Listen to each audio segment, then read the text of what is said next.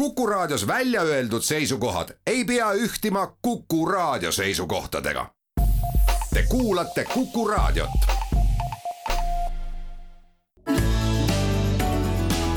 keskpäevatund. kuidas läks sul see mäng? kui puudub trump, võitu siis ei saa. äss on küll käes, jälle loodad sa, kuid kaotus kuidas läks sul see mäng? kui kaart ei käi, siis armu tundes veab. see on vaid mäng, kuid juba ette tead, et jälle kaotama pead. on lihtsalt emand see, kes vaese mehe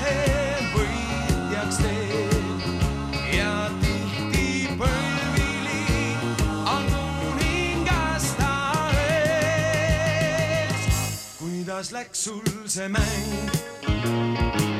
kord pöördub õnn, varsti on see päev, siis võidad kõik ning sa peagi näed, et õige kaart on su käes.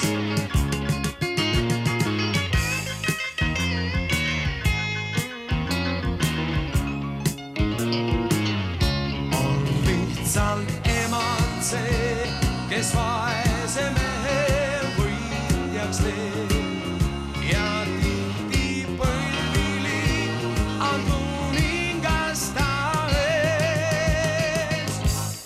kuidas läks sul see mäng? kord pöördub õnn, varsti on see päev,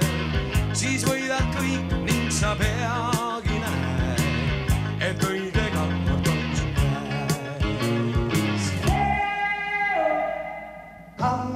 Tallyman, tally me banana. uudiseid koduvabariigist. tere, siin on Keskpäevatund ja Kuku raadio. Tallinna stuudios Ainar Ruussaar, Marek Strandberg ja Priit Hõbemägi laulis aga Rock Hotell, kuidas läks sul see mäng. jah, tõepoolest, kuidas läks sul see mäng, seda võiks ju küsida iga sportlase käest, et kuidas see mäng läks, aga eriti võiks eh, seda küsida nende inimeste käest, kes mängivad tennist, reket käes ja kelle puhul selgelt saab öelda, et kuidas see mäng läks või ei läinud. Eesti esitennisist Kaia Kanepi otsustas eh, hiljuti WTA turniiril paaris mängus mängida koos venelanna Angelina Kabujevaga ja mis oluline, on siin see, et Kabujeva ei ole Venemaa agressiooni Ukrainas hukka mõistnud ja samal ajal on ka Kanepi enda seisukohad Venemaa agressiooni osas sellised üsna ebamäärased, see on see vana, juba kahjuks vana, aga üsna tuntud argument, et poliitikat ja sporti ei maksa omavahel segi ajada, noh, seda võib sama hästi parafraseerida, et poliitikat ja kultuuri ei maksa omavahel segi ajada, aga igal juhul on Eesti tennise suurimad toetajad ähm, Enn Pant ja Urmas Sõõrumaa öelnud, et see on täielik jama, millega Kanepi tegeleb, et neile see asi ei meeldi. Kanepi on teadaolevalt siis üsna selline kangekaelne inimene, kes kui midagi pähe võtab, siis ta selle juurde jääb, aga paistab, et ta on võtnud pähe midagi sellist, mis talle endale suurt kahju hakkab tekitama. Nojah, sport ja poliitika on omavahel kogu aeg seotud olnud ja on ka tulevikus, aga üks asi on selge, et tegelikult äh, neid inimesi või nende inimeste tausta, kes on saanud teenetemärke ja aasta inimese tiitleid ja nii edasi, et nende inimeste tausta tuleks natuke rohkem kontrollida, et väga lihtne on neilt teenetemärke ja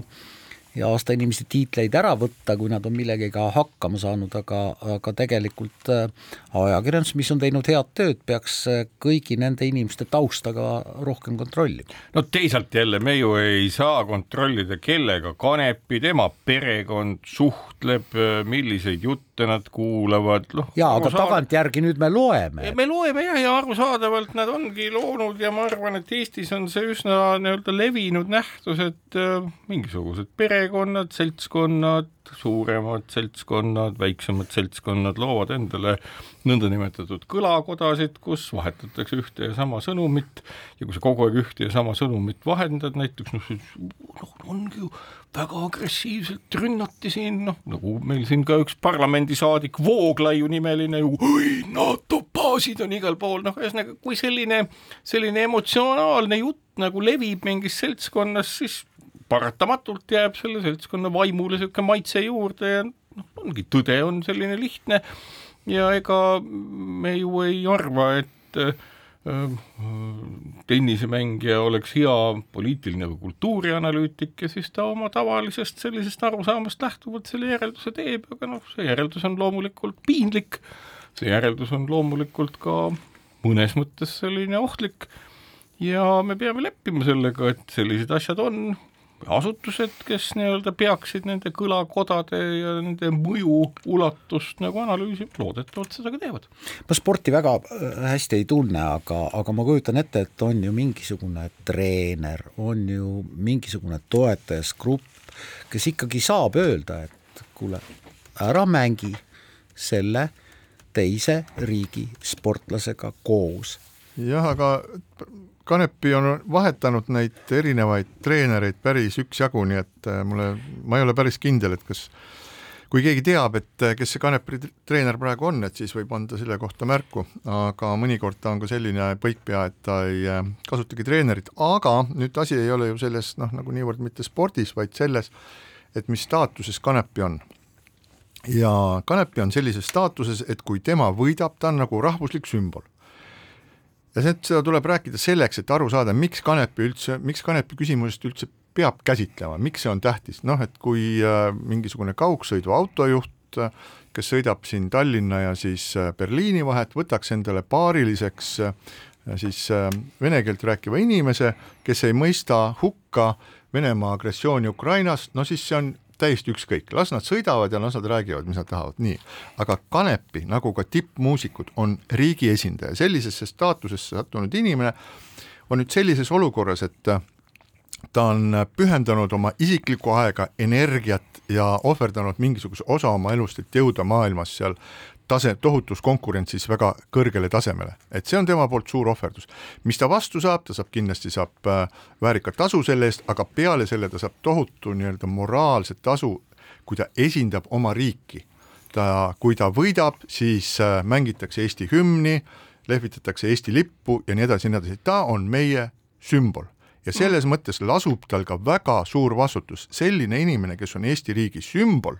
rahvusvahelistel suurvõistlustel ja on seal tipus, ei saa enam öelda, et mul on ükskõik, et mind see asi ei huvita, sellepärast et see puudutab juba tervet sellist noh, nagu moraalset hinnangut sellele, mis Ukrainas toimub. Ja kui ja, ja me teame väga hästi, et see Ukraina puhul on nüüd asi nii, et siin on võimatu olla neutraalne, kui sa jääd neutraalseks, kui sa ei mõista hukka, järelikult sa oled vaikimisi nõus sellega, mis seal toimub. ennustame, mis saab järgmiseks, et äh, kuna nüüd ka tema ema on öelnud välja enam-vähem selle, mis sellel suguseltsil ilmselt arvata on võib-olla mitte rohkem kui ainult tema, aga võib-olla ka rohkemat, siis ega ju mis järgmine asi on, et põhimõtteliselt ju jääb meil oodata, kuni Kanepi teatab, et tegelikult ta on otsustanud loobuda näiteks üldse Eesti kodakondsusest ja vot Venemaa on see õige koht, kus ta tunneb ennast äh, kodusena ja see oleks nagu loogiline lõpp või, või ma ei oska öelda, et äh, ega ju vaevalt, et äh, kui see on mingi pikem plaan, nagu ikka viimasel ajal tehakse erinevaid pikki plaane, siis ju pikk plaan sellel moel, et Eesti rahvuslik tennisemängija pöörab selja Eesti Vabariigi põhimõtetele ja hakkab võistlema näiteks Vene lipu all, oleks ju üsna nii-öelda kaunis jutumärkides, kaunis ilma jutumärkideta Venemaa jaoks ju lõpp no ma ei imestaks, kui keegi selle nimel kuskil töötab juba. ja kindlasti selle ja. nimel töötavad, noh, sõltubki sellest, et kas mingisugused nii-öelda kursandid kusagil akadeemias või natukene kõrgema kraadiga tegelased, kes sotsiaalseid protsesse mõjutavad, aga see kõik paistab väga selgelt välja. ja ma olen täiesti nõus ja, ja ma rõhutaksin üle Priidu mõtet, et äh, jumala pärast, kindlasti on meie hulgas siin äh, inimesi, kes leiavad, et äh, et Ukraina sõjas on teatud süü Ukrainal, kes leiavad, et Venemaal on õigus, kes leiavad ühte või teist, aga kui sa oled äh, kõrge avaliku elu tegelane, siis sa pead valima poole. ja Kanepi on valinud poole ja, ja punkt. just, ja läheme edasi sellega, mis juhtus äh,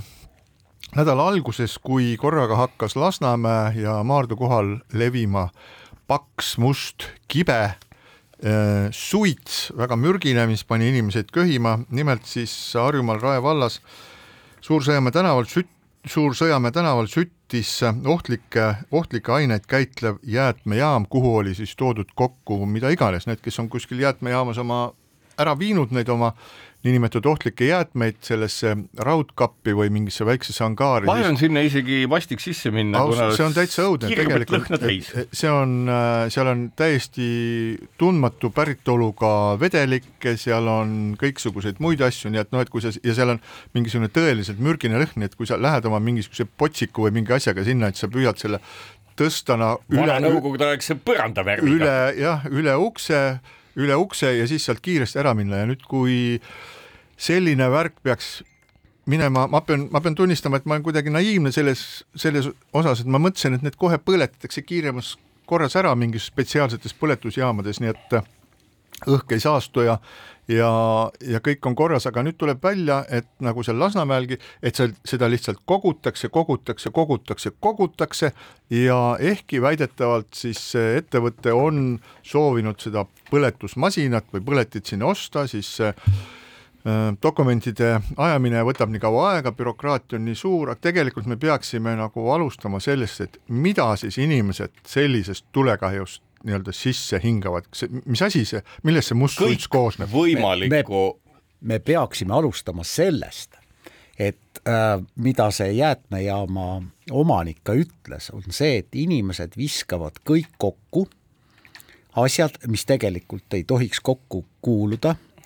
ehk siis nad ei sorteeri prügi, see on muidugi lihtne. no mida muud jäätmejaama ja, omanik võiks siis toovad öelda. jäätmejaama ja siis see süttib seal iseenesest. nii aga, aga asja kuulame. sisu on ju selline, et mis, mis seal suitsu sees siis, mida me saame oma kopsudesse? võib olla absoluutselt kõike, selles mõttes, et see on nagu üks suur keemiline reaktor, kus on kõikvõimalikku orgaanilist ainet kokku pandud, kuna see tuli ei ole ju igal pool ühesugune, siis natukene kõrgem temperatuur paneb asju reageerima moel, mida me ennustada ei oska.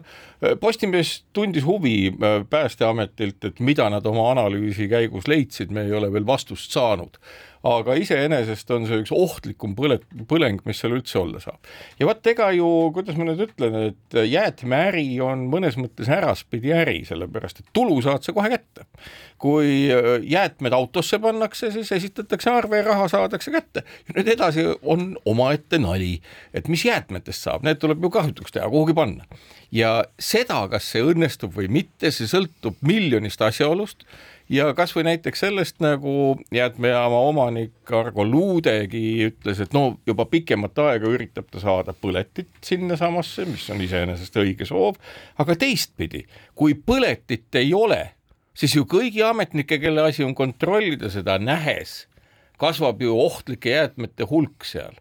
mis kaalutlustel põletit ei ole, on iseküsimus, aga riskitase, eriti lennujaama läheduses, kasvab ju mühinal, mida me ka antud hetkel näeme, et see realiseerus. nii et nagu sellise äraspidi äri ajamine ongi nagu köiel kõndimine mõnes mõttes, et äh, kui sa oled kõik jäätmed kokku kogunud siis tekib sul see probleem, kuhu ma nad panen, millised on regulatsioonid, milliseid õigusi ma saan. Ja ametnikel on ka omad kaalutlused, mille tõttu seda põletit sinna ei lubata ja nii edasi, nii edasi, ehk et tegelikult võib öelda, et see olukord oli ohtlik seal sellest hetkest alates, kui jäätmejaama omanik ütles, et ta soovib saada põletit, et nendest jäätmetest lahti saada kui põletiluba ei antud, siis sellest hetkest alates hakkas tiksuma kellapomm, mis nüüd selle nädala alguses sealsamas lähedal on ju üks teine äh, jäätmejaam või teise, teise, teise firma Raagen selles, mis põles kuus aastat ja tagasi. põles kuus aastat tagasi, nii et äh, paistab, et sellistes kohtades äh, need tulekahjud äh, kipuvad tulema. Ja nüüd äh, üks küsimus, mis sellega koos on esitatud, on see, et kui sellised ohtlike jäätmete jäätmete kogumise kohad on nii-öelda linna servas või asumi külje all, siis see on, see on ohtlik. aga väga ohtlik. jaa, aga kui me viime selle näiteks kuskile saja kilomeetri kaugusele, siis ei hakka keegi sinna midagi viima, siis inimesed teevad mingi augu või valavad selle kuskile metsa, siis on jälle ühesõnaga, mis ma tahan öelda, ma tahan öelda seda, et et mingisugused tervemõistuslikud lahendused, noh, kui need ei ole Eestis, siis nad kuskil peavad ju ometigi olema, aga ma, ma ausalt ma ei tea, et millised. kõrge temperatuurne põletamine, seda vaieldamatult on, sellepärast et kui temperatuur on ikkagi üle tuhande, tuhande viiesaja kraadi, siis ega midagi ohtlikku alles ei jää. tänasel hetkel näiteks, kuna lõhkesid seal ka ju sinna kokku kogutud äh, elavhõbedaauru sisaldavad äh, kõikvõimalikud valgustid äh, ega me ei tea isegi ju seda, et milline oli nende koguste siis levik üle nii-öelda Tallinna ja lähipiirkonda territooriumi, nii et iseenesest noh, niisugune olukord, et, et meil on olemas selline solgiladu ja me oleme üles ehitanud mingi solgiäri selle peale ja maksnud kinni, et see äri saaks toimida, mis on ju ainuvõimalik, sellepärast et kui seda peaks tegema majanduslikul alusel, siis enamus sellest sodist olekski metsa all, kuna see on nii kallis aga ometi me peame nüüd aru saama, et mille tõttu luudele seda luba ei antud või siis teistpidi, ei kui luba põleti jaoks ei antud, mille tõttu oli võimalik, et see ohtlike jäätmete hulk sai seal aina kasvada ja kasvada. ma ei tea, kuhu sa tüürid, Marek, aga ma ei tüüri no, kuhugi, ma lihtsalt kirjeldan. et prügi toodavad linnad tööstused ja linnad loomulikult. ja järelikult äh, jäätmejaamad ei saa olla mujal kui linnas sest muidu läheks see värk kalliks, muidu oleks teeäärsed kraavid sedasama sinu poolt kirjeldatud prügi täis, nad on niigi täis, aga aga äh, jäätmejaamad peavad ega olema. see jäätmejaam, mis Suur-Sõjamäel ei ole, oli, on ju ladustamispaik, mitte see, kuhu inimesed saavad tulla oma sodiga. no jaa, aga nad peavad seal need jäätmed ära hävitama just, ja see ongi küsimus, kuidas saab eksisteerida Tallinna linnas niivõrd suur ohtlike jäätmete kogum, kus jäätmete likvideerimist ei ole koha peal ette nähtud ja mille tõttu seda luba pole antud, ehk et siit hakkab hargnema tegelikult see probleemi põhjus, mille tõttu me seda tulekahjut ja ütleme, küllaltki suurt ohtu inimeste tervisele, mis vahel ka realiseerus siis mingi terviserikkena, nagu me täna teame, et kuidas see tekkida sai? sellel ei ole niimoodi, et see on anonüümne, noh nagu, nagu, nagu noh, ma ei oska öelda, et äh, nagu ikka ta, sageli, kui ei taha midagi öelda, siis äh, joodik ütleb alati, et oh, vot see viin hakkas pähe ikka. no ise hakkas pähe, eks ole. oh, see jaam ei saanud jäätmetega toime tulla. keegi on jätnud mingi otsuse tegemata, keegi on jätnud mingi riskianalüüsi tegemata ja ma loodan, et selle uurimise käigus ja ajakirjandusliku arutlemise käigus saame me sellest teada. aga võtame samast pesakonnast ühe teise teema. asi on selles, et näiteks Tallinnas, aga ka teistes Eesti,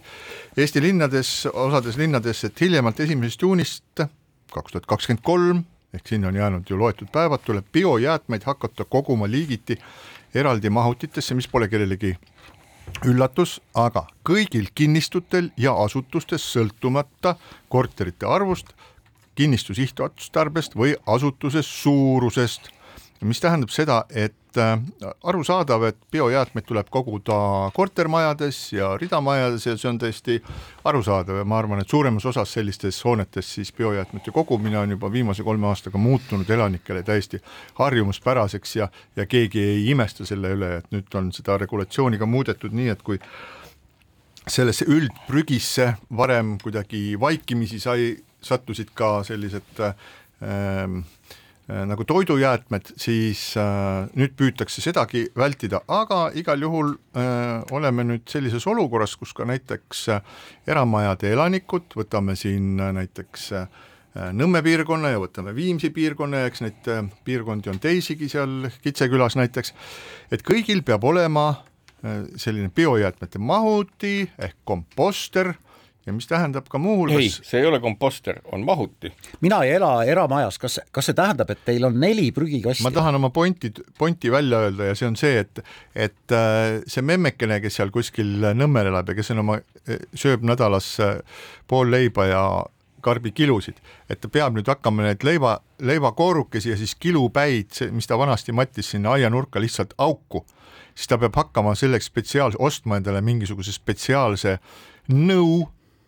kus ta hak-, kuhu ta hakkab neid kilupäid ja leivakorruksi panema, see on ju absurdne. ei, selles absurdne. mõttes, et kui sul on ikkagi eramaja ja sul on nagu kompostikast kõige tavalisem, mida on Eestis osatud teha pikka aega, et siis äh, ma saan aru, et väga paljudes omavalitsustes piisab lihtsalt sellest, kui selle pilt saata omavalitsusse, et sul on niisugune asi olemas ja nad ütlevad, et okei okay,, et teil on ikkagi võimalus biojäätmeid käidelda. probleem on aga hoopis muus, nimelt nii Eesti Keskkonnateenused, mis kuulub Argo Luudele, kelle Epler Lorenzi nimeline ladu, mis kuulub ka temale, äh, põlema läks, siis tegelikkuses on ju olukord hoopis laiem. selle ettevõtja majanduslik seis tõenäoliselt selle tulekahju tõttu on mõnevõrra kehvenenud, sellepärast et arusaadavalt ohtlike jäätmete puhul selles äraspidi äris ju raha tuleb väga palju sisse selle tõttu, et sa suudad ohtlikke jäätmeid vastu võtta. nüüd on ära kadunud umbes poole hektari suurune ala, kuhu saab vedada ohtlikke jäätmeid. Ja mis tähendab ka seda, et tegelikult äh, luude ettevõtted on üsna korraliku finantssurve all, rahavood on vähenenud ja nüüd tekibki küsimus, et kas nii-öelda sellistes oludes on veel nii-öelda tema finantseerijad ja ettevõtlus üldse suutelised käivitama seda Eesti keskkonnateenuste alt toimuvat siis bioloogiliste jäätmete kogumist ja selle ümbertöötlemist näiteks biogaasi. jaa, aga mina tulen jälle sellise era, eramute ja eramupiirkonda juurde tagasi et äh, siis äh, tõepoolest, et alternatiivina võib biojäätmeid kompostida koha peal ehk siis sinu omal krundil, ent selleks peab olema kinnistul nõuetele vastav komposter, mis tähendab seda, et seal on mingisugused äh, sellised normid, milline, millised mõõdud sellel on, kas ta käib kinni või ei käi ja, ja tegelikult noh, nagu selge on see, et kohalik võim ei jõua kõiki neid kaste aianurkades kontrollimas käia ja selleks tuleb siis teha foto ja saata see foto siis äh, kohalikule omavalitsusele. issand, kui jabur, kas ma oma seal on üks ametnik, kes vaatab ja ütleb, et mm, jaa, teie kast siin vist siiski ei kvalifitseeru ja mida no kõige lihtsam komposter on lihtsalt lipid, mis on kas, püsti pandud. kas ja... ma oma aias ei või enam kilupead maha, maha no kilupea võid maha matta, aga kui seda vaata, et keegi teada ei saa sellest. sa pead varjama seda öösel matma, aga põhimõtteliselt on ju kompostikast üsna lihtne asi, mis ei ole midagi kõrgtehnoloogilist, seal ei pea olema. Ei termomeetrit, ei süsihappegaasi ei midagi küljes. Aga, aga üldiselt on ju kolm äh, erinevat liiki prügikasti isegi eramajade rajoonis, paber, olmejäätmed, muu, eks ole, ja nii edasi. noh,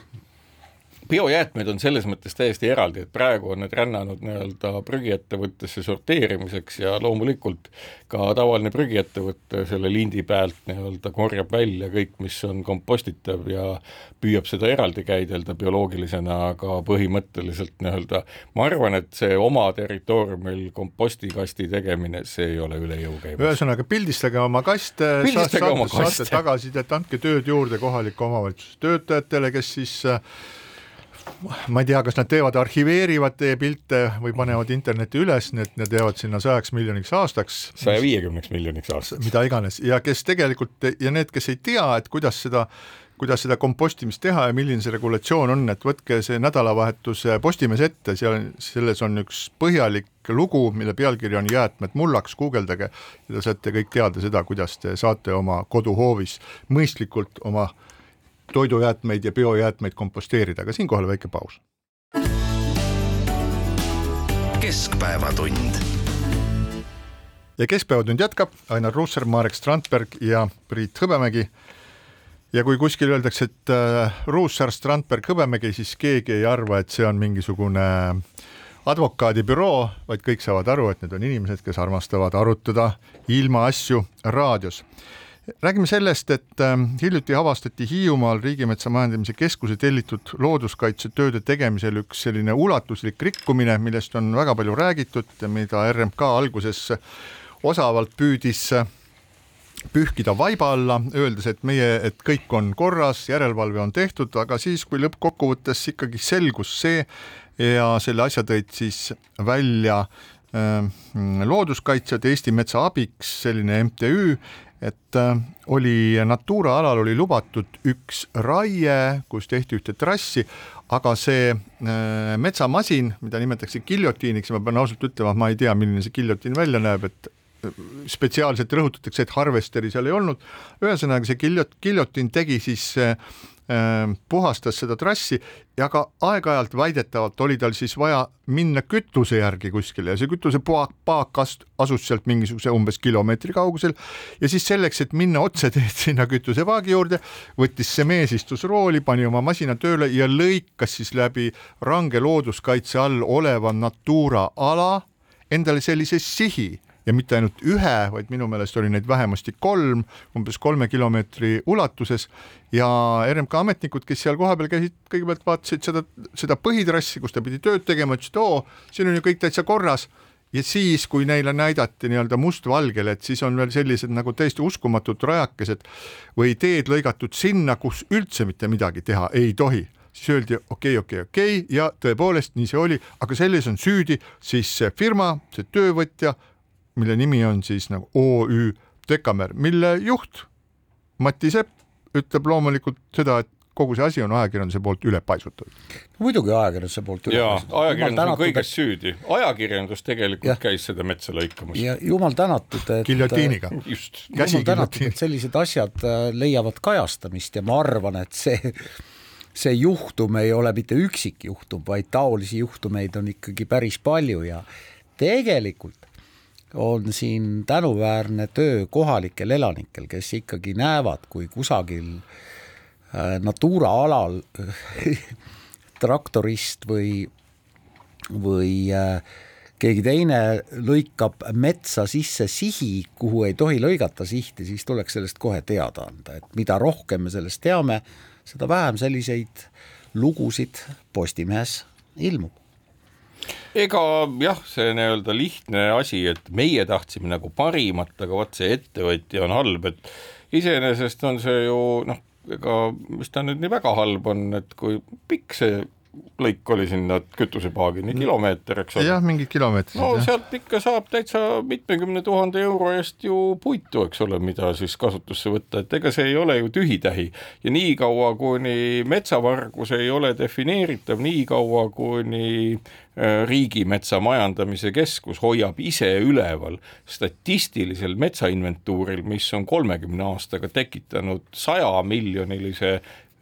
tihumeetri arvuga ülekasutamise, nagu me tänaseks teame, ehk et kui vargus toimub iseenda tagant, kui riigis on olemas elemendid, ettevõtted, mis varastavad iseenda tagant, siis noh, nii kaua me ei saa öelda, et see oleks nagu üks normaalne koht. Ja loomulikult, kuna see on kombeks, see on harjumuseks, siis teevad seda kõik. Ja noh, kehitatakse õlgu, no ikka juhtub. kusjuures see, mis juhtub, on iseenesest loodusele pöördumatult kahjulik. nojah, vot selle loodusega on nagu on, et äh, Ei mina aeg-ajalt käin, käin äh, paaris äh, Tallinna vanas pargis ja seal on ausalt öeldes püsti jäetud puud, mis on eluohtlikud, nad kukuvad kohe ümber. mis asi on Tallinna vana park? noh, näiteks Nelli park okay.. ja, ja vot, vot siin on see küsimärk, et kes siis äh, ütleb, et võtame selle kohe ümber kukkuva puu maha, sellepärast et kohe on inimesed, kes ütlevad, et aga park ju muutub ei tea, see, see, see on nüüd... emotsionaalne asi. see on ikka aga, täiesti erinev asi, üks asi ole. on linnaspargi hooldus, mis ei ole metsandus ja teine asi on metsandus ja metsad kui ökosüsteemid tervikutena, kus loomulikult võibki ju puid ümber kukkuda, ega keegi ei eelda, et mets on ühtäkki nagu ohutu koht, kus peab igaüks saama viigipükstes kõndida ja kaunis pikas kleidis, et tegelikult mets on mets, metsas on karud, metsas on hundid ja, ja asjaolu, et nii-öelda inimesed arvavad, et mets on nagu vaba liikumise ja koht. metsa tuleb maha võtta ka seal, kus läheb kõrgepingeliin. ei no, noh tuleb, aga ega neid nüüd on ikka oluliselt rohkem maha võetud, kui neid liine on. Ja elektriliinide juures tuleb puid mitte maha võtta suures ulatuses, vaid piirata, mis on hoopis teine tegevus ja selles mõttes no ei saa ju öelda, et oi, et me võtame metsa maha selle tõttu, et meil on kõrgepingeliinid, nagu ma öeldud, sada miljonit tihumeetrit on metsa rohkem maha võetud, kui seda tekkinud on kolmekümne aastaga. ja selle tulemuseks on tekkinud see, et meie ökosüsteemid ei ole enam sidusad, need on täiesti erinevad suurusjärgud. me räägime nii-öelda rõvedast hulgi kasutusest, rahaahnusest, mis on seotud metsandusega asjaoluga, et kord tehtud investeeringud harvesteridesse on vaja tagasi teenida ja teenitud võib-olla tänaseks juba kuhjaga, need on täiesti erinevad asjad ja see, et sa ütled, et park peab olema hooldatud, jaa, park peab olema hooldatud, see puul tuleb lasta õigel hetkel ümber kukkuda, aga seda puud ei tuleks sealt mitte ära viia, vaid jättagi see ümber, nii nagu on Saksamaal väga paljudes parkides, kus ümber kukkunud puu jääb sinna koos selgitusega, mille tõttu ta seal on. ta ei tohi inimese peale kukkuda. ja aga no seda jääbki sinna ja inimesed vaatavad seda, kuidas seal putukad elavad ja, ja nii edasi, ehk et park on see koht, mis peab olema loodushariduse kõige elementaarsem koht, mis ei tohi olla puhas nagu parketiga põrand ja, ja kus peab olema ka kõikvõimalikku asja ja nii ongi. nii et mis sa nurised, Ainar, et see peabki, nii peabki mis ma nurisen, metsandus on, metsandus on suur äri, aga mina ei ole aru saanud, kas kellelgi on üldse Eesti riigis ülevaade, kui palju raiutakse, kui palju tänaseks on, Eestis tellis Postimehe fond sõltumatu metsauuringu ja selle järeldus on üsna karm ülevaade, mis on olemas riigil nii-öelda statistilise metsainventuuriga, valetab saja miljoni tonni või tihumeetri ulatuses. tahtsingi öelda, need asjad ei lähe kokku. ei lähegi kokku. aga kes ja... valetab?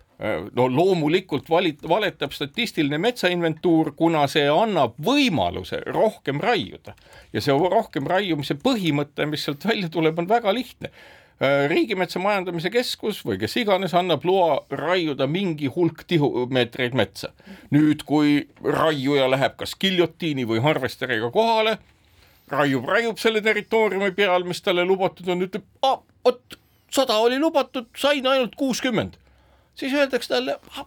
raiu kõrvalt juurde ja tulemuseks ongi see, et äh, kui territooriumi järgi metsaraie peaks säilitama ökosüsteemide noh, terviklikkuse, et kõigil on kuhugi liikuda ja läbi minna, siis sellise raiepõhimõttega seda ei teki ja metsad lõhuvad ökosüsteemi terviklikkuse ja ongi tulemus see, mida me näeme. kohati läheb asi ikka jaburaks, et kui ma öö, oman maad ja mul on mets, mul ei ole metsa ja mul ei ole maad, aga kui mul oleks mets ja kui mul oleks maa, kas ma ja see on Natura kakssada kaitse all, kas ma ahjupuid võiksin teha?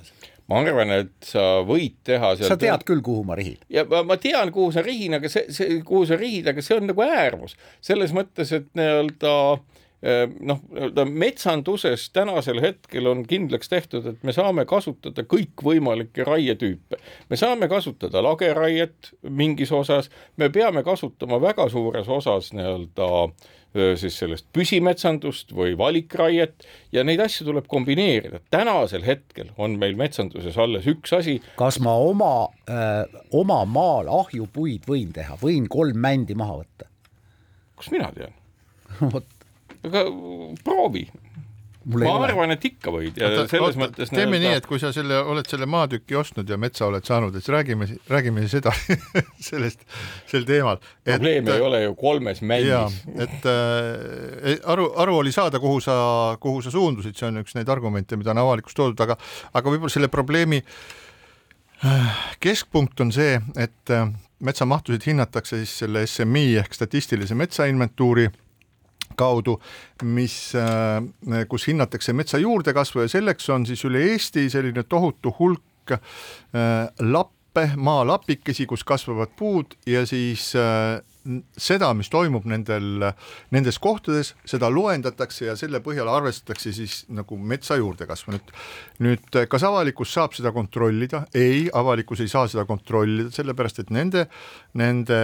metsatükkide äh, andmed, asukohad on salastatud, ehk et me peame pimedalt usaldama siis RMK-d, mis on viimased aastad meile näidanud, see on ainult, ainult loll usaldab pimedast peast RMK-d, et seda tuleb kontrollida täpselt samamoodi nagu mingisugust tegelast, kes kogu aeg püüab mingit kurja teha, aga selleni on viinud siis see RMK, RMK ise. Ja nüüd, kuna neid ei, keegi ei saa minna ja kont-, minna ja kontrollida, kas tegelikult see juurdekasv vastab tegelikkusele, siis Postimehe fond algatas sellise projekti, mille nimi on Eesti metsade alternatiivne hindamine. esimesed tulemused tulid veebruaris ja need koondandmed on olemas, seda siis äh, võite leida, keda huvitab Postimehe fond punkt ee leiate siis äh, need esimesed äh, esimesed tulemused,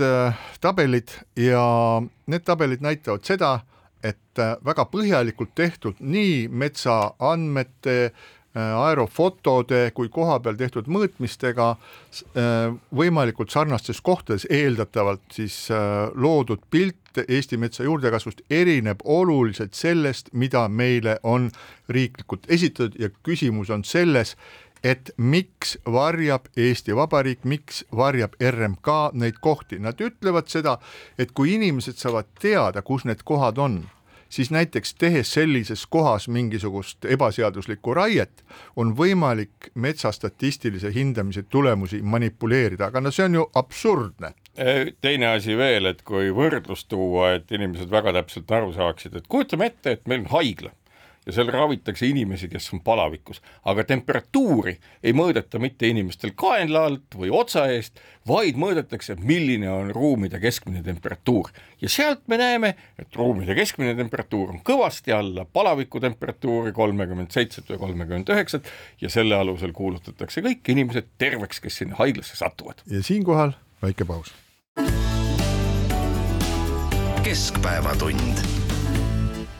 keskpäevatund jätkab, Ainar Ruussaar, Marek Strandberg ja Priit Hõbemägi, räägime nüüd natukene Isamaast, Isamaast suure i-ga, aga räägime selles mõttes, et Isamaal on ju erakonnal Isamaa on ees selline korralik enesekaemuse periood. riigikogu valimisel kaotati kohti. populaarsreitingu tabelis on nad praegusel hetkel seitsme koma kolme protsendi peal ehk ei üles, ei alla, mitte midagi seal nagu eriti ei liigu. see soodne positsioon Riigikogus, kus äh, mitu valitsust järjest oli võimalik äh, noh, ütleme, dikteerida oma väiksema partnerina võimalik dikteerida oma soove, on ka mööda läinud ja nüüd tuleb erakonnal vaata, vaadata tegelikkusele näkku ja mõelda selle peale, et kas äh, peaks valima endale uue esimehe nüüd äh, pärast valimisi. Äh, senine esimees Helir-Valdor Seeder väga ei võtnud nagu sel teemal toru, aga nüüd siis mõne aja eest teatas ja ütles, et astub tagasi esimehe kohalt või no ühesõnaga, et tulevad, ei kandideeri enam. ei kandideeri enam jah, vabandust, mitte ei astu tagasi, vaid ei kandideeri enam ja siis on uued kandidaadid, kes soovivad kandideerida, on Urmas Reinsalu ja Tõnis Lukas ja siis viimasel hetkel ühines nendega ka Lea Danilson-Järg, nii et minu meelest läheb siis kümnendal juunil läheb valimiseks ja kui Tõnis Lukas ja Urmas Reinsalu äh, nii-öelda siiamaani ei ole midagi rääkinud Isamaa aktiivsest uuendamisest, siis on Lea Danilson-Järg rääkinud sellest, et Isamaad tuleks tuua lähemale noortele ja naistele. jah mm,, vot Isamaa on selline erakond, mis on tegelikult ju väga suur osa Eesti ajaloost ja ilmselt ta väga paljude valijate jaoks jääbki ka osaks Eesti ajaloost ja ületab ikkagi valimiskünnise, ehkki see valimiskünnis ei ole olnud väga kõrge, nüüd Isamaa künnis on alati viis protsenti. Noh, natuke rohkem, eks, aga mm, Isamaa puhul on nüüd, nüüd see, et huvitav, kas juhi muutusega peaks seal tulema mingeid muutusi, ma olen teinud intervjuu ühe juhi kandidaadiga, Tõnis Lukasega, kelle, kellest ma küll väga aru ei saanud seda, et mismoodi siis Isamaa peaks muutuma, et Isamaa populaarsus kasvaks või erakonna liikmeskond kasvaks ja nii edasi. võib-olla ei peakski, aga võib-olla nad loodavad hoopis muule. võib-olla nad loodavad hoopis sellele, et Eesti kakssada, kes on tormakalt kurve võtnud ja kohati kurvist välja sõitnud, kaob pildilt praegusel kujul ära ja osa nendest toetajatest saab siis endale Isamaa no Isamaaga on ju alati nii olnud nagu väga paljude teiste erakondadega, kus äh, hääletamismasin on olnud hästi häälestatud juba ette. Keskerakond. Keskerakonna poolt ja busside viisi inimesi on äh, tarnitud õigel hetkel hääletamisruumi ja tõenäoliselt me näeme midagi samasugust ka sedapuhku. pastakaid on jagatud. ja kõikvõimalikke asju, kõikvõimalikke asju, nii et noh, ühesõnaga, et, et esimene asi muidugi noh, jällegi, et ega erakonnad on ka õppinud olema rohkem vait et nad ei räägi väga, mis neil seal sees toimub. aga et äh, tõenäoliselt tilgub ka selle Isamaa valimiste kohta ilmselt välja ja noh, see, et kõik on nagu välimuselt väga demokraatlik ja selline liberaalne ja kõik toetavad kõiki, et äh, päris kaklusel ametiposti pärast läheb asi hoopis teistsuguseks ja ma ei oska öelda, et mida siis ikka on lubada, et kui erakonna noh, küsimus ongi ju selles, et äh, kõik need inimesed on oma ju ähm, pilku äh, ja selle olemust maailma asjadele ju näidanud et kas nende hulgas on väga palju kedagi, kes oleks väga noortesõbralik või, või midagi muud, no ei ole. ja kust see peaks tulema, et noh, et nagu formaalselt me ütleme, et oi, et nüüd me peaksime muutuma noortesõbralikuks. kuidas sa muutud üleöö noortesõbralikuks, et kui kogu aeg oled olnud selline konservatiivne päss ja ajanud mingit jura, et kuidas, oh nüüd homme ma pean olema siis noortesõbralik, no tulen, patsutan kellelegi õlale ja nii edasi. ütle Ehk, mulle et... üks noortesõbralik erakond Eestis ma ei tea, ma ei jälgi nende tegevust, et, et ma arvan, et ega neid väga ei olegi, nagu ei ole noortesõbralikke paberajalehti, nii ei ole ka noortesõbralikke erakondi, et, et äh, inimeste probleemid on hoopis muud kui need, millest erakonnad räägivad ja mõnes mõttes näitab see ka valimistulemust. inimesed tulevad kaasa ühe või teise erakonnaga selle tõttu, et jääb mulje, et kui neid ei vali, siis asi on väga hull ja tehakse neid valikuid, aga tulemuseks on ikka see, et äh, kõik ei ole päris hästi, ehk et valimiste protsessist arusaamine ei ole ühiskonnas ega üheski ühiskonnas kunagi väga hea olnud. aga kui natukene vaadata seda, mida siis äh poliitikat uurivad teadlased on välja uurinud siis äh, poliitika toimimise kohta. Ja kui panna see kokku sellega, mida siis Lea Danilson-Järg on öelnud, et äh, Isamaa kuvand vajab muutmist ja noh, sellest me siin rääkisime, et nagu noortepärasemaks või selliseks nagu ma ei tea, mm, liikuvamaks või mis iganes, mul on ka väga raske Isamaa puhul selliseid äh, sõnu välja mõelda, et kui sa mõtled äh, Isamaale, siis sa mõtled, esimene sõna, mis äh, assotsi-, assotsieerub, on see ajalugu Eesti poliitika ajalugu on äh, seotud väga tihedalt siis äh, Isamaa erakonnaga või siis nende erinevate formatsioonidega, mis on olnud, aga sellist sõna, mis nagu tuleviku poole vaataks, selles assotsiatsioonide puntras Isamaaga seotud tulevikku suunduvat sõna ei ole. Ja nüüd, äh, kui siis Järg räägib sellest, et on vaja kuvandit muuta, siis kui me nüüd äh, vaatame seda, mida on uuritud siis erakondade kuvandi kohta, siis kokkuvõtlikult on see sõnum väga lihtne. parim sõnum on pilt, parim sõnum on pilt ja sellepärast ongi meil valimiste eel kõik need suured portreed linnatänavatel erakondade juhtidest. sest see ongi sõnum, et sa ei saa edasi anda erakonna muutuvat kuvandit kui sa jätkad nende samade inimeste ähm, fotode reprodutseerimist veebis või televisioonis või ajalehtedes või igal pool mujal. selles visuaalses kuvandis näos peab olema selgelt tajutav muutus ja see on minu meelest Isamaa ees kõige suurem probleem üldse, nad peavad tekitama ühe inimese, kes näeb noor välja, kellel on usaldusväärne jutt ja kes kehastab kõike seda, mida nad tahavad, vastasel korral kõik need loosungid ja, ja kogu neid üle Eesti või siis lase mingisugusel äh, reklaamibürool teha, neil pole mingit kasu, kui sul pole seda nägu, mis seda kõike ega, ega, sisendab. selles mõttes ju ükski nendest kolmest pildist midagi sellist ei sisenda, aga selles mõttes, kui nüüd inimestel vähegi mälu on, siis ka justiitsminister minister Tõnisel Järg ei olnud ju midagi muud kui Äh, justiitsminister, kes jõuliselt sekkus kõikide muude ministrite tegevusse ja noh, võib-olla see mälupilt on nagu vaikselt hää-, hääbumas, ma ei oska öelda, aga jah, et ega ju